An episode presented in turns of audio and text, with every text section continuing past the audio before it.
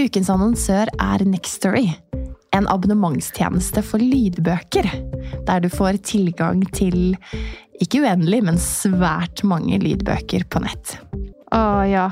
Et helt univers, rett og slett. For meg har det passet perfekt nå i vinterferien. For da har jeg hatt ekstra tid eh, til å gå lange turer og lytte til bøker. Og så har jo vi en date i kveld, eh, Ingvild. Eh, vi skal på teater og se Anna Karenina. Så da bestemte jeg meg for å bruke Next Story for å lese gjennom den på nytt. Og det er bare helt fantastisk roman fra 1870-tallets Russland som jeg anbefaler alle å utforske, fordi den er like aktuell nå i 2024 som eh, den gang den ble skrevet. Men det er jo så fint, da, ikke sant? Og uavhengig av om eh, man har vinterferie eller mer tid til overs, så har man også disse små lommene i hverdagen. Du kan ha boken på øret, og du kan brette tøy, eller du kan sette på en klesvask, en oppvask, whatever å dykke inn i dette universet. Og det er jo det som er så fint. I, eh, I, tillegg, da, når uh, disse små Dine kommer med den samme boken for 15. gang, Ingvild, og spør ja. mamma kan du lese denne, så er selvfølgelig det veldig hyggelig, men det kan også være eh, vel så hyggelig å, å få eh, boken servert fra noen andre, så kan man lytte sammen. Eh, vi har hørt mye på Albert Aabergs lydbøkene i Nextory, for det er et univers som både min femåring og min toåring elsker.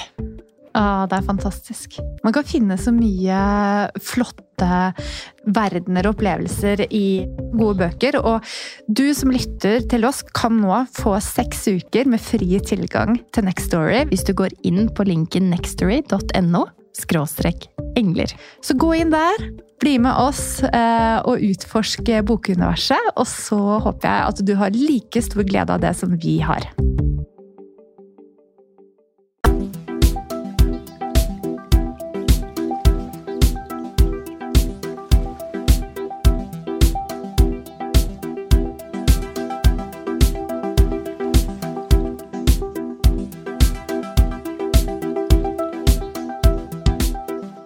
Velkommen til Engler og hormoner. Inspirasjon og ny kunnskap om helse, selvutvikling og livsstil.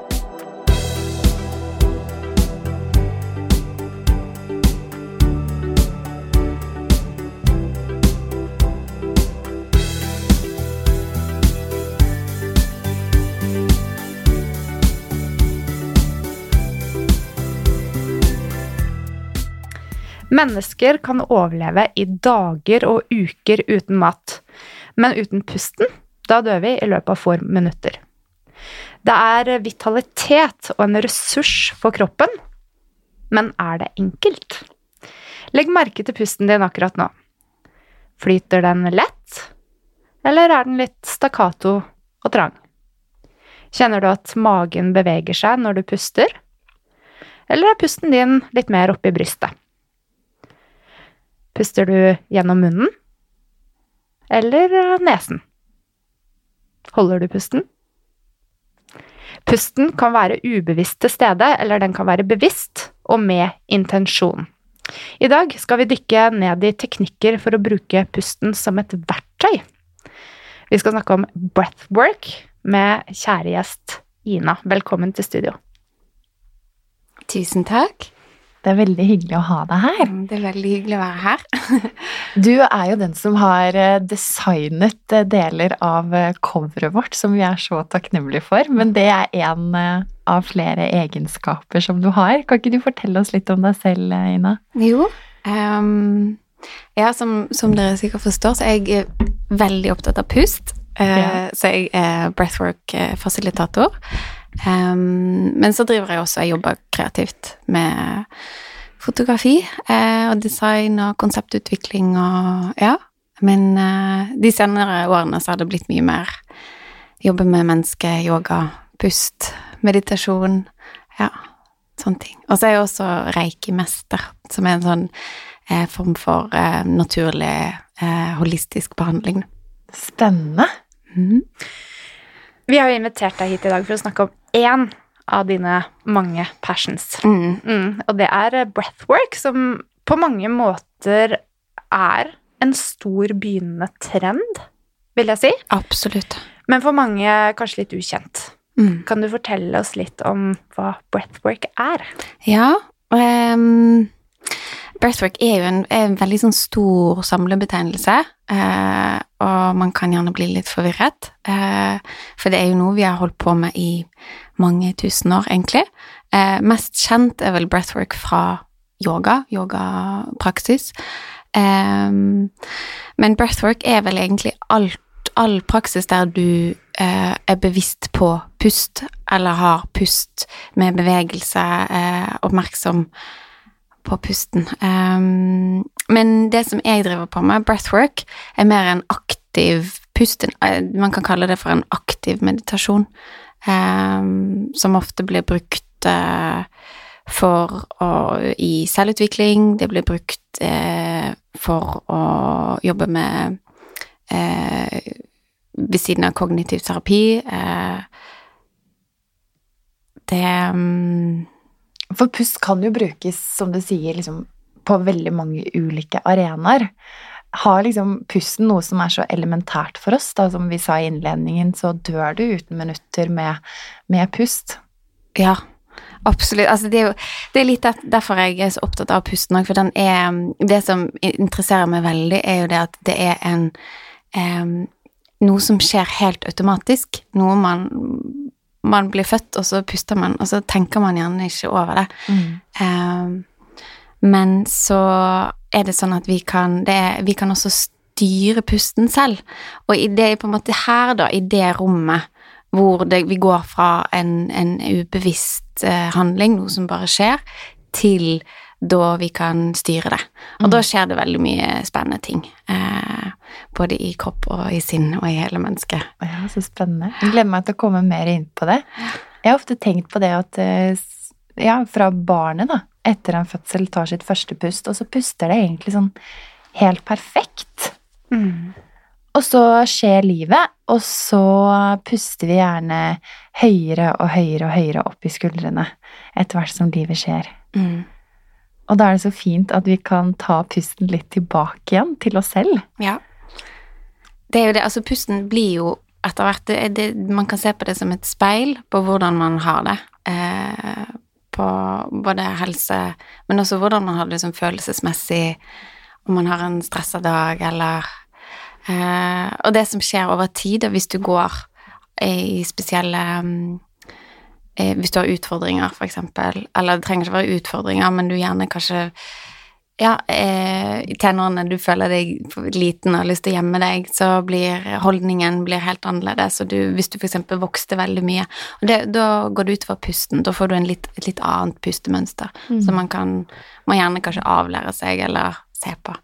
Men jeg er veldig opptatt av at man ikke skal på en måte gå så mye inn på at man har feil pust heller, for det at med en gang man begynner å observere pusten, eller skal puste riktig, så er det veldig vanskelig å puste riktig. Det er jo ingen som gjør det Nei. hele tiden. Nei. I hvert fall. Nei, det, det, det er på en måte Ja, som sagt, det er, det et speil, en, en slags temperatur da, på Mm. det som foregår eh, i hele deg. Jeg syns det er interessant, fordi vi eh, har brukt pust på forskjellige måter opp gjennom årene som terapeuter. Eh, Både med pusteøvelser Jeg husker eh, det var veldig viktig på sykehusavdelingene etter operasjoner at man eh, fikk i gang pusten for å klarere brystet. Man jobber med det på intensivavdeling, man jobber med det ved ulike lungesykdommer som cystisk fibrose, astma og andre kolsvarianter. Um, og så kommer det inn igjen kanskje mer i, i terapiformer for innenfor psykiatrien, mer sånn angst, depresjon, eh, at vi er fokusert på at pusten kan være et verktøy, og medisinsk yoga eksempel har jo blitt etablert noe som noe man virkelig bruker terapeutisk i helsevesenet. Men allikevel så, så er det en sånn oversett gullgruve Mm. for vanlige mennesker. Ja. Eh, At man ikke får forståelse eller opplæring eller kunnskap om hvor sterkt verktøy det kan være. Mm. Tror du at det, det, det skjer noe nå, en type endring i, i hvordan vi kan bruke pusten eh, hvermannsen litt mer aktivt? Jeg håper jo det, da. Ja. Jeg håper jo, det, er jo et, det er jo på en måte et skift. Litt sånn litt mer tilbake til røttene og det naturlige og den vi er. Mm. Um, men så er det litt sånn rart med noe som er Det er gratis, uh, og det er forhold Altså, det er, det, er, enkelt. Det å ta Mhm. tak i pusten er noe du kan gjøre her og nå. Og det er litt sånn rart hvor mye motstand vi har mot å tro at noe som er så enkelt og basalt, kan ha så stor effekt. Um, og jeg vil si at pusten er på en måte kanskje den, den største enkeltfaktoren man kan gjøre for å få det bra. Eh, ved hjelp av pusten, ved hjelp av ett innpust og et godt utpust, så kan man skifte hele væren, hele hvordan man har det, og gi beskjed til resten av kroppen om at du, jeg har det fint, jeg er ikke stressa. Um, og så kan man også bruke pusten som Ja, man kan det, Man gjør et bevisst valg med pusten. Med en gang man blir bevisst på pusten, så blir man også bevisst i livet på en helt annen måte. Um, så det, det er en slags nøkkel der. Jeg vil si det er en superkraft å kunne begynne å bli bevisst pusten. Um, og dette blir man ved å praktisere mm. uh, mye pust, og da blir det etter hvert sånn at man da i hverdagen plutselig begynner å observere. Um, så det, det er på en måte Det er ikke lett hvis du aldri praktiserer pusteøvelse, og så plutselig så skjer det noe, og så blir du kanskje kjempesinna, og så skal, bør, bør, du ta deg noen pust. Men hvis du ikke har praksisen, så er det litt vanskelig. Litt vanskelig å komme på akkurat da. Ja, Ja. så det, det, er, det er litt der, da. Ja. Mm. Men breathwork er da på en måte et system av øvelser som kan brukes til å bli mer bevisst din egen pust, men også hvordan den speiler mm. hvordan kroppen din har det, eller ikke bare kroppen kanskje, men sinnet ditt også. Ja, veldig. Så vi gikk litt inn på det. Det er forskjellige typer form for Eller breathwork er en stor paraply da, for hva breathwork er. Mm. Så har du noen eh, eh, typiske mindfulness-praksiser der du veldig mange ganger observerer pusten. Og ved å observere pusten, så kan du også vil du også få en sånn ja, tak på, diagnose litt på hvordan du har det selv. Du kan begynne en Det er nesten som å ta dialogen med deg selv, da, ved å faktisk bare sette seg ned, lukke øynene, og så observere pusten. Hvordan er den? Og ikke skulle endre den, ikke skulle begynne å ta dyp pust eller tenke på hvordan, men bare sånn nå er den litt hakkete, eller nå er den litt her, eller Og da blir det veldig Vi kan veldig naturlig tune oss inn på å analysere oss selv og kjenne ok, hvordan har jeg det akkurat nå? Um, så det er en eh, Ja, jeg vil jo si pusten er på en måte min beste venn. Men jeg tenker da bare det du sier der, Ina. Fordi i praksis opplever jeg, eh, hvis jeg jobber med en pasient Mm. eh, og sier at pust er et fokusområde, så kan det for mange virke litt meningsløst, for det, pust er jo noe vi gjør hele tiden. Mm. Hvordan kan det å være bevisst på pusten og endre pusten faktisk påvirke oss? For vi puster jo allikevel hele tiden. Ja.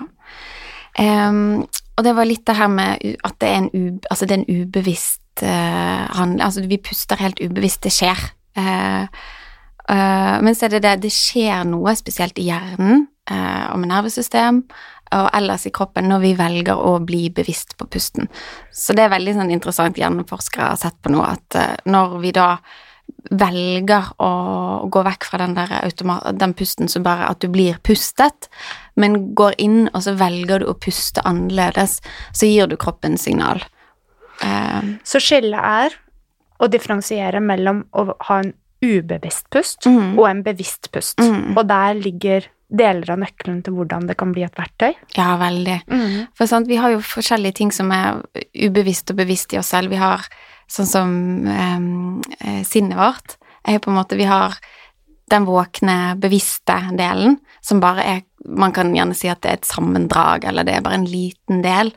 Og så har man underbevisstheten som på en måte har eh, alle mekanismene og alle programmeringene og på en måte alt bakenforliggende for hvordan vi egentlig er satt sammen. Um, så da vil jeg på en måte gjøre det ubevisste bevisst, så har vi også plutselig så får vi tilgang på alle de ubevisste tingene. Eh, og det er det er veldig interessant, og det er veldig gøy. Det høres kanskje litt sånn traurig ut med pust, men det, det, er, det, er, veldig spennende når det begynner å skje, og man begynner å skjønne at oi, er det derfor jeg tenker sånn, og det er derfor jeg er sånn, og um, ja. Men vi skjønner det jo godt sånn vi prøver jo ofte å få folk til å gjøre bekkenbunnsøvelser etter fødsel, f.eks. Mm. Det høres jo ikke så sexy ut, Nei. men det er jo nettopp det det er. Ja. ja, så vi må sånn av og til tørre å stole på mm. at de enkle tingene om vi ikke har skjønt det etter den tiden vi har vært igjennom nå, mm. at de enkle, nære tingene mm. kan faktisk bety ekstremt mye. Ja. Mm. Så breathwork, yoga, mindfulness, meditasjon pust på benk hos en osteopat, f.eks. Det er jo Alt handler jo om pusten. Men hvordan er det vi kan skille disse liksom kort ifra hverandre? Uh, mange har sikkert en erfaring uh, med pust gjennom yoga, f.eks. Ulike yogaklasser. Mm. Um, ja, altså Det jeg sånn som vi var inne på, er naturlig pust, den pusten vi puster mm. hele tiden, som er på en måte mer en ubevisst form for pust. Mm. Eh, og så har du Ja, i mindfulness så blir det mer en oppmerksom pust, at du begynner å legge merke til pusten din. Mm. Eh, og det gjør jo man også i yoga, eh, men jeg tror yoga, og når dere bruker det på benken, så går man over i en mer sånn bevisst pust. Man begynner å tar kontroll på pusten og, eh, og velger å puste på en, en spesifikk måte. Mm. Eh, og det, der begynner man å gjøre det ubevisste bevisst. Mm. Eh, og så kan man gå over igjen på mer det som jeg jobber mer med, det er breathwork. Eh, for det handler litt om nervesystemet. ikke sant? Ja. Ofte som når vi er på benk, så handler det om å finne den dype magepusten ja. eh, for å stimulere det parasympatiske nervesystemet. Mm. Kanskje vi skulle rett og slett ha gått litt sånn inn på det? For å sette litt sånn Ja, for vi har jo et ubevisst nervesystem som uh, styrer alle de funksjonene i kroppen vår som hender uten at vi tenker på det. Mm. Uh, og det kan vi dele i to. Det er det parasympatiske og det sympatiske nervesystemet. Og ofte så kan man si at det sympatiske er det som gir oss uh, alertness, eller at vi, vi får fokus for eksempel, det kan være en positiv effekt av det sympatiske, men det er også stressreaksjoner, og at hvis det står over tid, at det påvirker kroppen vår negativt også ved å påvirke det endokrine, altså hormonsystemet. Og så har du det parasympatiske systemet, som er der for å støtte oss uh, og sørge for at alle disse funksjonene går uh, på jevn basis. Uh, og det er en del av det vi gjør med pust, er å stimulere det parasympatiske nervesystemet gjennom nervus vagus, som er den tiende hjernenerve, som har mange spennende forgreininger i løpet av kroppen, eller på vei ut i kroppen, mm. og er med på å påvirke mange vitale funksjoner som vi ofte ser f.eks. at vi kan ha en reaksjon på økt hjertefrekvens eller mageproblemer eh, eller stressreaksjoner i kroppen hvis vi ikke da har den parasympatiske vagusfunksjonen eh, mm. optimal. Mm. Enkelt sagt. Enkelt, eh, enkelt forklart. Mm. Um, og jeg, jeg bare tenker litt sånn denne vagusnerven, den store vandrende nerven som uh, springer ut fra hjernestammen vår, uh, ja, og vandrer liksom gjennom hele kroppen fra uh, øvre del av nakke ned igjennom, og den går jo tvers igjennom diafragma, pustemuskelen vår, så den sanser liksom vår state of mm. mind og kropp hele mm. tiden. Så det går litt begge veier. Absolutt. Et, det er jo på en måte en sånn feedback-sløyfe som mm. går gjennom hele kroppen. Det går frem og tilbake. Også fra lungene så har vi eh, det er også koblet opp mot eh, eh nervesystemet. Og så hver gang vi puster, eh, så vil det med en gang komme ja, direkte signal på at 'nå har vi det bra, nå slapper jeg av'. Eller så da hvis du er stresset og ikke puster så godt, så vil på en måte den delen sende ut signal om at 'ok, nå er det nødbluss, mm. nå må vi gjøre noe annet'. Eh. Og etter noen år som terapeut, som jeg sier, jeg blir ganske god på å spotte hvem som har disse tegnene på at her trenger vi å stimulere enten den ene eller andre veien. Men jeg er også veldig opptatt av å inkludere en annen del av det parasympatiske nervesystemet, så jeg syns ofte blir glemt. Eh, Vi har en, en del av det nervesystemet, veldig vidt viktig del av det, i bekkenet vårt også. Mm. Eh, så, så det er ikke bare vagus. Eh, og ennå så har vi ikke nok forskning på det, men Mm. vi hadde veldig spennende seminar med en uh, nevrokirurg fra Ahus som uh, opererer i en sakral nervemodulering, som er en type stimuli til pudendalnerven, Mm. uh, som skal hjelpe mot smertetilstander i bekkenet. og det de så på MR, det er at når de satte inn denne, så hadde de også en påvirkning av vagusnerven. Eh, og de kunne ikke forklare hvorfor. Eh, men jeg tenker dette er bare et bilde på hvor komplekst systemet vårt faktisk er. Mm. Eh, også så fint at vi har noe som pust, da, som kan være med å påvirke det, som ikke er så invasivt, og som er tilgjengelig for Ja. alle. Absolutt. Og det, det er det man ser, sant, at pusten Altså, alt henger sammen. Eh, eller man man ser at alt, veldig mye henger sammen. Eh, og gjerne veldig mange ganger så er man i en slags sirkel, gjerne eksempel hvis man har eh, psykosomatiske plager, eller Så er det veldig vanskelig å komme seg ut, det er veldig vanskelig å vite hvor skal vi begynne, hvor skal vi ta tak. Og der er pusten fantastisk, for det er et veldig fint sted å begynne. Mm. For en, der kan du bryte Du kan bryte sirkel da, ved å ta tak i pusten.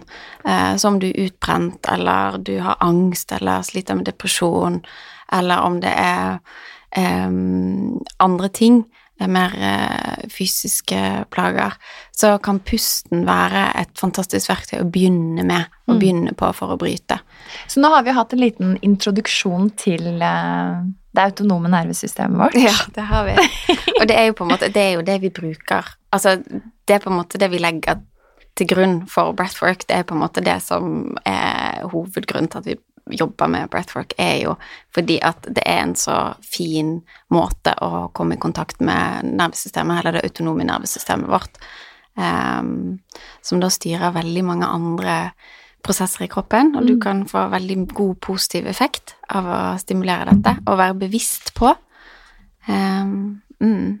Så når du da puster inn, så stimulerer du det sympatiske nervesystemet. Du fyrer på mange måter opp kroppen. Mm.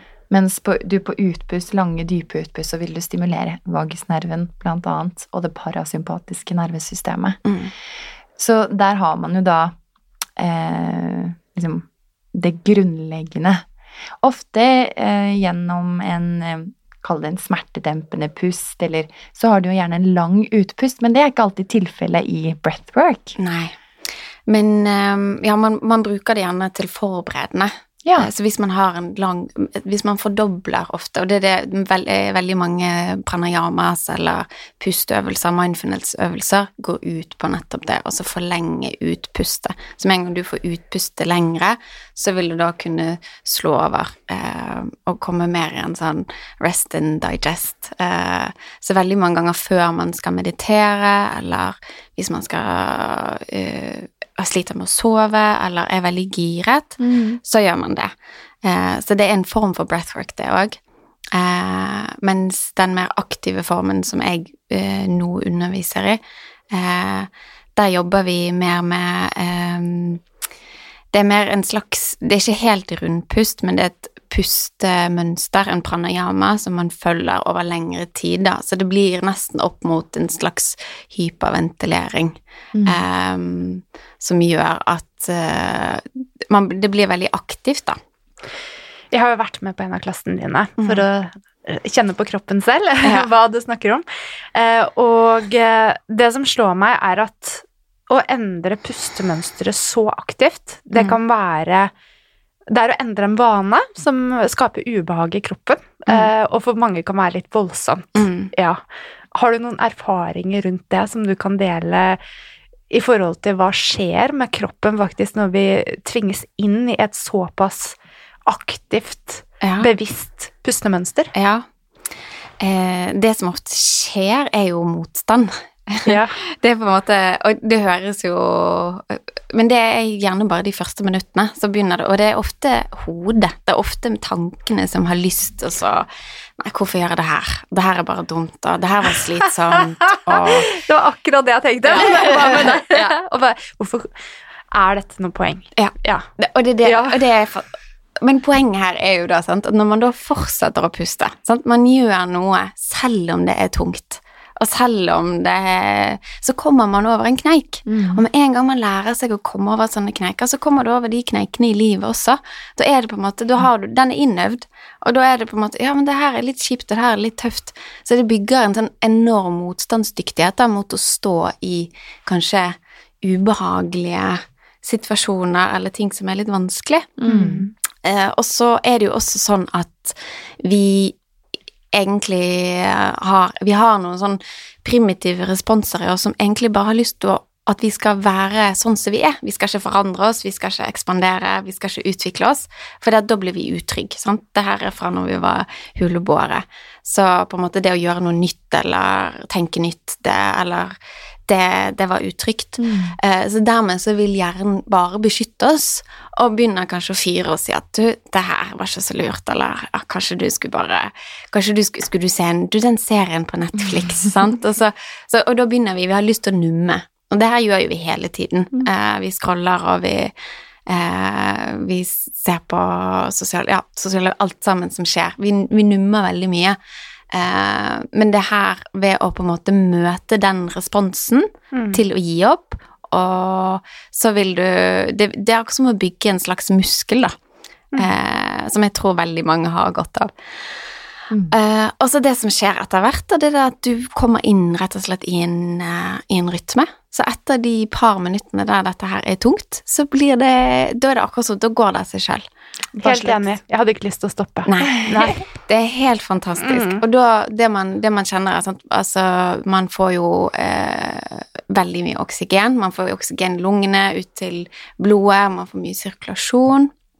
Og så begynner eh, det endokrine systemet å fungere. Man får enormt mye oksytociner, endorfiner, fantastiske ting som bare pumpes ut i kroppen. Og hva slags type kroppslige reaksjoner er det man kan oppleve da? Jeg har gjort noe sånn Wim Hof-pusteteknikker, Ja. eh, og du liksom begynner å prikke i fingrene, Ja. blir litt sånn lightheaded. Ja. Er det samme type Ja. Det, det kan skje, eh, men gjør du breathwork, og, altså du, gjør du det flere ganger, så vil noen av de tingene avta. Ja. Um, det jeg ser som er ganske interessant, da, det er etter hvert når man er, på en måte har kommet inn i mønsteret, man kommer inn i pusten, ting begynner å åpne seg, så begynner du å få tak i det underbevisste. Og gjerne også kroppsspråket, det underbevisste kroppsspråket, det som kroppen egentlig driver og forteller deg hele tiden. Man kommer nærmere seg sjøl.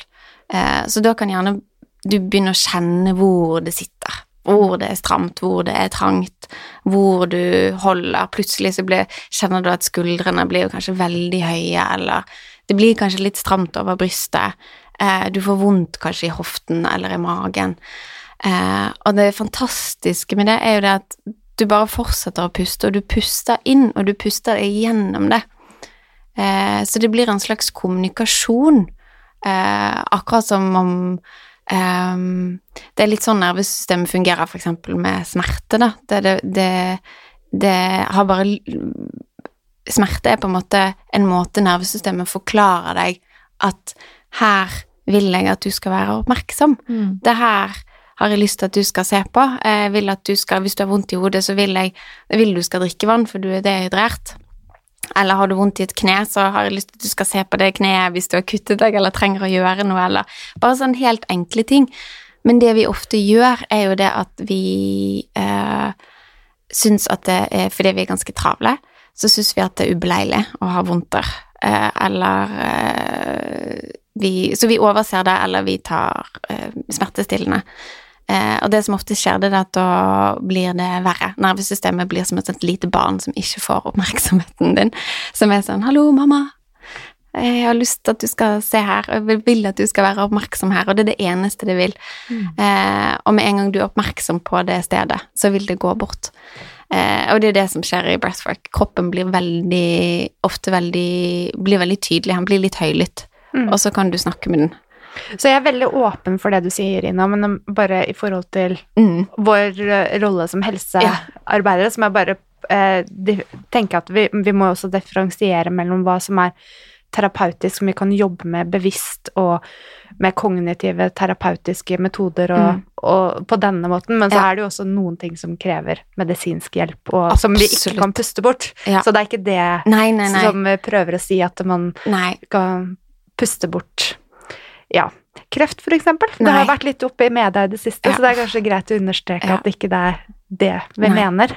nei. Finnes det noen kontraindikasjoner når vi først er inne på det som på er litt mer, mer medisinsk? Da? Er det noe som er kontraindusert dersom du har f.eks. en eh, alvorlig depresjon eller angstlidelse? Er dette noe du bør eh, begi deg ut på? Og hvordan i så fall er det, og hvem kan man er, Har du noe informasjon rundt det? Ja, det, det, det er et veldig godt spørsmål. Um, og min erfaring med det er det at man får ikke det Man får ikke opp noe som man ikke er klar for å deale med. For vi har et det, det er en veldig vi, vi har en veldig intelligent mekanisme som gjør at når du da er eh, Du ligger, og du er trygg, og du har en fasilitator For det er vel litt For det viktig, ja. at Mm. du er i trygge omgivelser, og at du har noen som kan ta deg imot dersom Ja. noe blir ubehagelig, da. Ja. Så jeg ville på en måte ikke vært engstelig for å gjøre det her, selv om du har, har angst eller eh, PTSD. Eh, men gjerne kanskje ikke gjøre det alene, og så gjøre det med noen som har god erfaring med det, og som gjerne kanskje har jobbet med, med, med samme type ting som du, utfordringer som du har. Det kan være veldig fint. Men i utgangspunktet så er det for alle. Um, men hvis du sliter med um, Hvis du har alvorlige hjerteproblemer, så vil jeg ha styrt unna. Ja, Mm. det er vel egentlig det som Hvis man er gravid, da. Da kan man drive på med det her. Ja. Men, man, men det er jo litt sånn med alt, man må jo kjenne litt på sin egen kropp. Mm. Mm. Em, Ja, for det er jo ikke bare terapeutisk, men det dette er et verktøy for alle. Mm. Uh, og så tenker jeg at før man egentlig får den uh, bevisstheten om at noe er uh, et problem i kroppen, da, eller at du har en utfordring, så er det kanskje vanskelig å ta seg tid til å sette seg ned og puste. Veldig. Mm. Og det, det, ja, det trenger jo ikke være noe som skal løse noe. Det kan jo faktisk være noe som kan, skal forbedre noe. Eh, det å gjøre breathwork er jo Det hørtes litt sånn ut av når vi begynte å snakke om at det er litt slitsomt, for det er jo det. Mm. Men man får ofte en veldig boost av det, og man får det veldig bra. Man får ofte eh, selvinnsikt eh, på en helt annen måte enn man man, mø, altså man kan liksom Man møter de underbevisste tingene som ligger under. Så mange sier at man møter seg selv, da. Den man egentlig ikke er. Ikke sammendraget.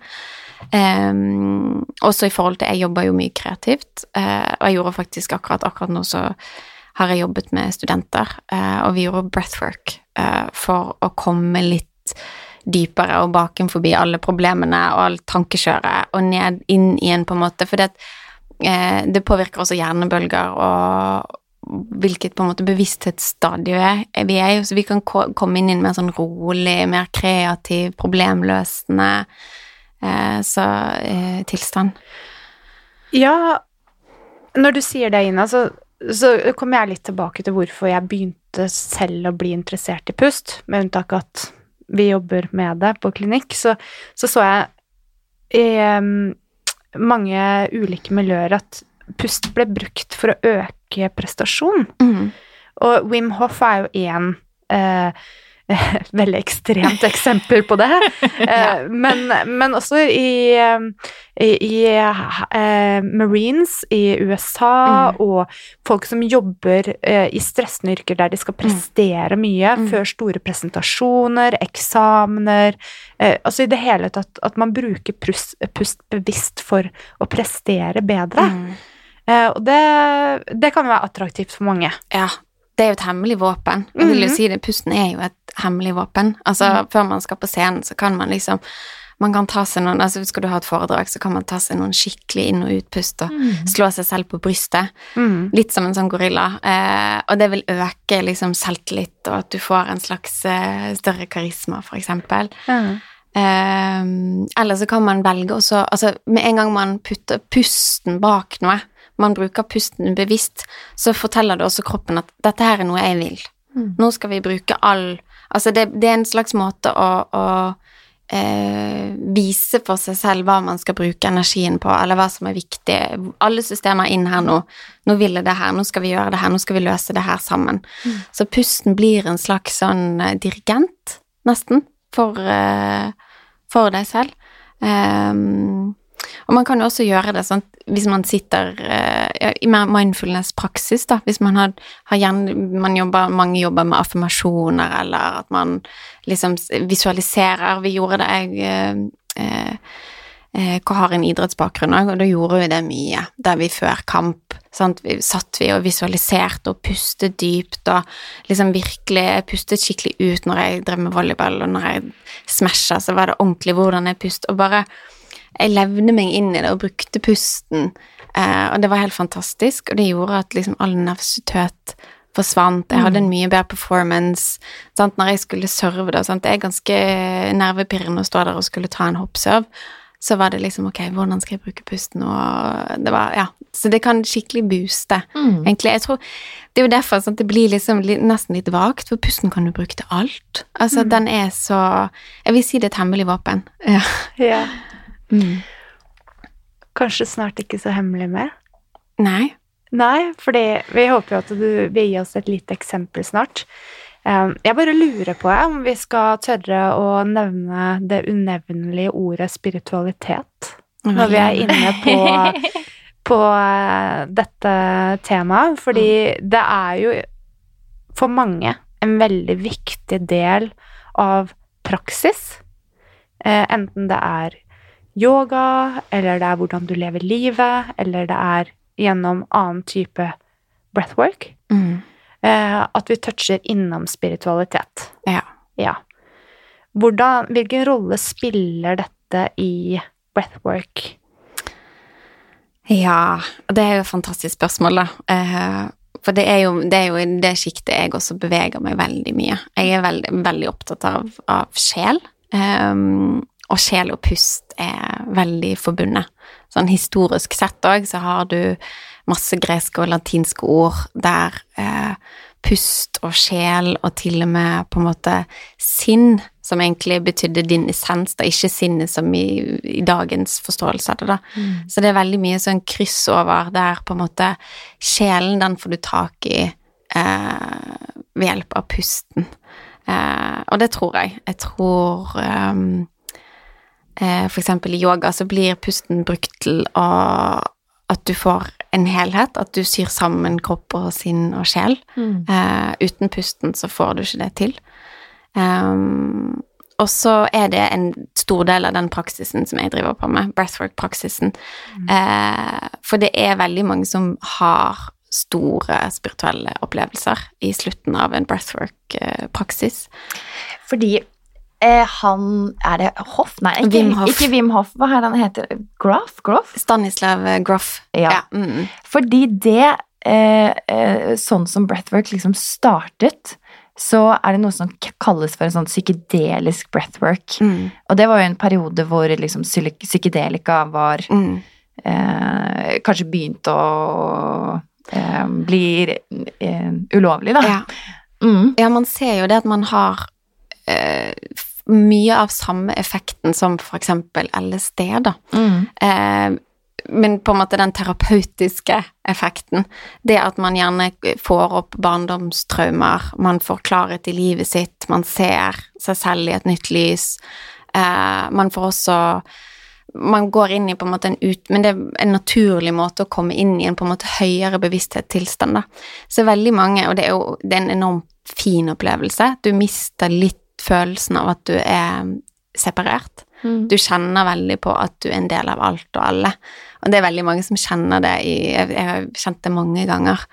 Um, og det tror jeg er en Spesielt i dag så tror jeg det er noe veldig fint med det, å kunne forstå at ja, kanskje vi henger mer sammen enn det vi tror. Mm. Um, og så er det dette med sant, det vi var litt inne på, med det endokrine systemet og hormoner og kjemi. Så vi blir rett og slett Vi kan bli litt høy på å puste. Mm. Eh, høy på vår egen gode kjemi.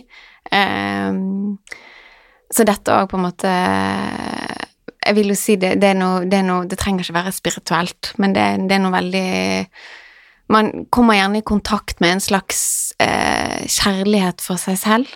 Ja, det høres litt pløst ut. Så det kan. Ja. være en spirituell forklaring på det, eller det kan være en kjemisk Ja. forklaring. Mm. Men uten å putte inn kjemi, da. Ja. Ikke, ikke noe Nei. stoffer Nei. tilført Nei. utenfra. Helt, helt naturlig. Ja.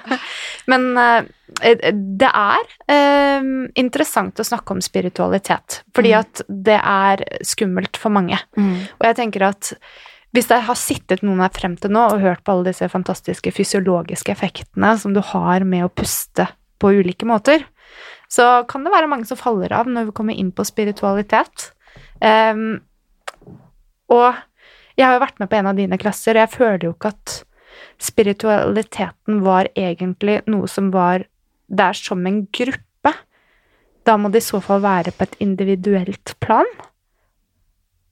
At det er din opplevelse av hva som skjer, som er viktig, Mm. mer enn at det er Det er ikke som å komme inn i en kirke der du føler at det blir holdt en preken, på en måte. Nei. Nei. Det er en litt annen type eh, hendelsesforløp. Eh, Ja.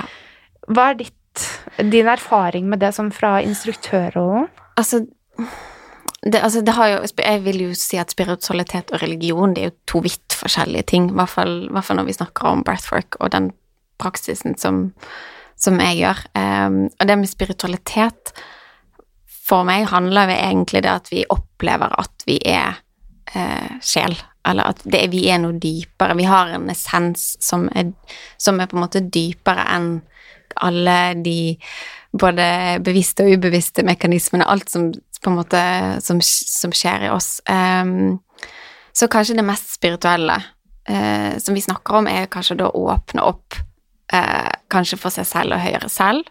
Det kan kanskje være en ting som noen reagerer på, men veldig mange har syntes at det har vært veldig fint.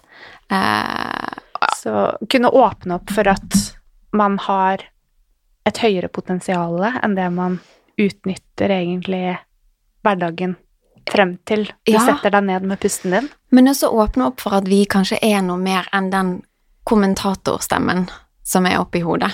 Sant? At du kanskje Mm. er noe mer abstrakt enn det programmet, da. Eh, hvis det går an å si det sånn. Så det blir er på en måte Og det kan man velge selv. Det ber jeg ofte om, at man på en måte åpner opp for det og ser hva som kommer. Og veldig mange har gjerne en Og det er veldig rørende. Har en slags De føler at de At de møter seg selv, da. De møter altså sjelen sin for første gang. De ser den. De kan nesten ta på den og smake på den og Ja. Og det er på en måte Det er noe som ikke går an å forklare med ord.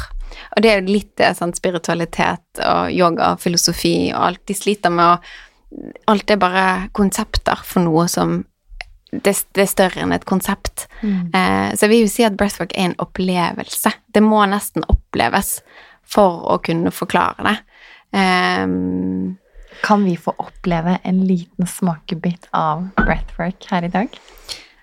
ja, kanskje ikke den mest sånn eh, aktive breathwork som vi gjør i, på timene, eh, men det er jo folk veldig velkommen til å komme og teste ut. Ehm, men det jeg tenker som kan være enormt fint, og det her er jo Mona har hørt om sikkert denne flere ganger, men det er en som jeg bruker så mye selv, eh, og du kan merke et skift i hverdagen din. Du kan merke et skift over i det autonome nervesystemet ditt. Eh, og det er litt det vi snakket om i sted, at du puster inn et visst antall Du puster inn gjerne tre Du teller inn tre, og så puster du ut dobbelt så langt. Så du puster inn én, to, tre, og så puster du ut på seks. Én, to, tre, fire, fem, seks.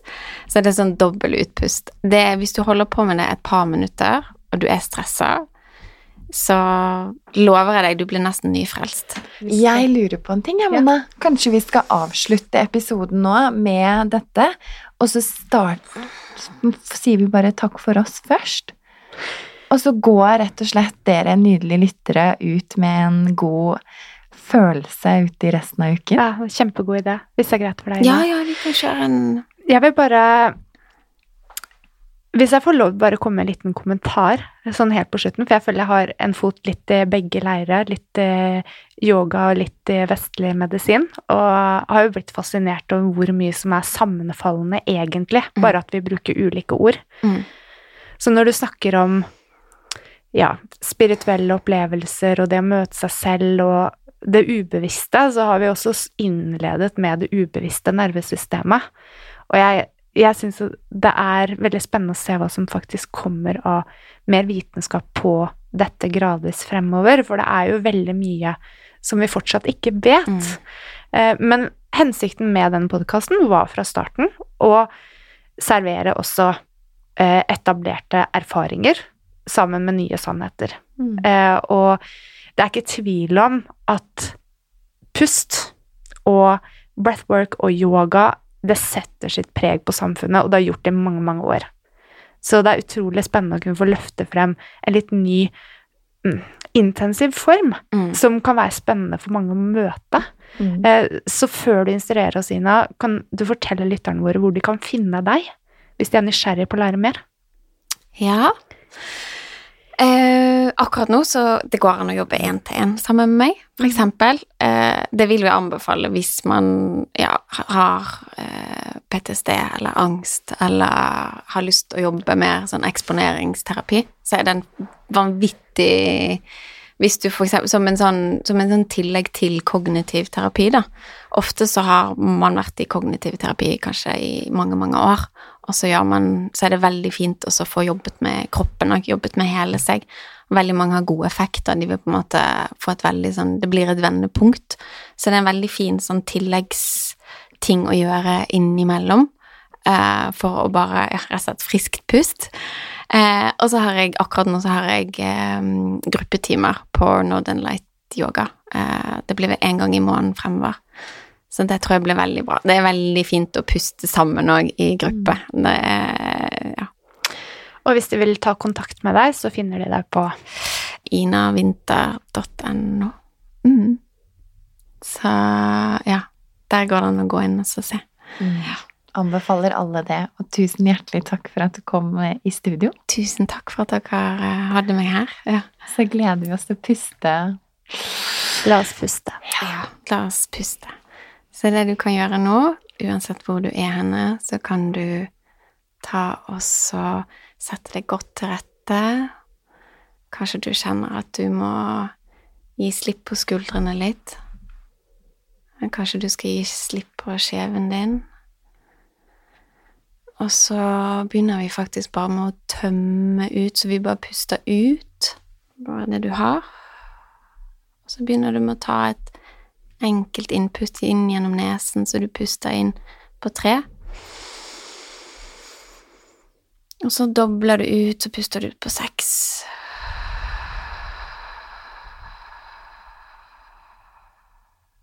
Kjempebra. Så fortsetter du, puster du inn tre.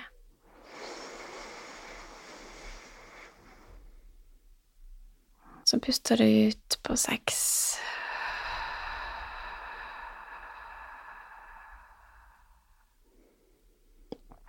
Og fortsett et par runder til. Pust inn.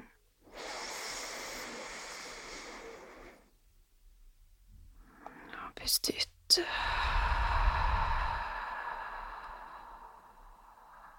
Nå kan du kjenne etter. Kanskje du klarer å forlenge, så puster du inn fire.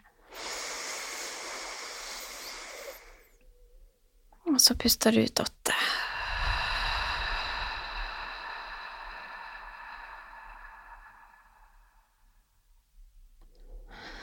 deilig du tar et kjempestort pust, det største du har tatt i hele dag, inn på fire. Så kan du gjerne holde litt her oppe og bare legge merke til pausen, og så slipper du alt ut igjen i en lang utpust på åtte.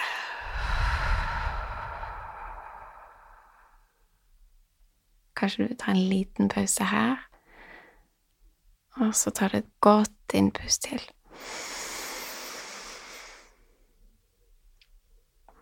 Og pust ut siste utpust. Alt du har, bare pust ut.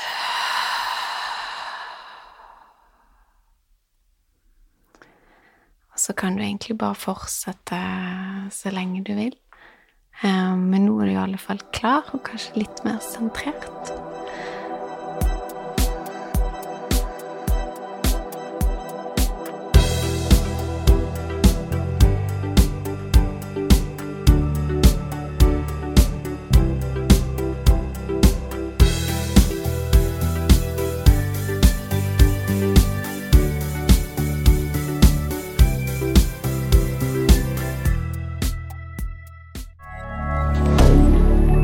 Media.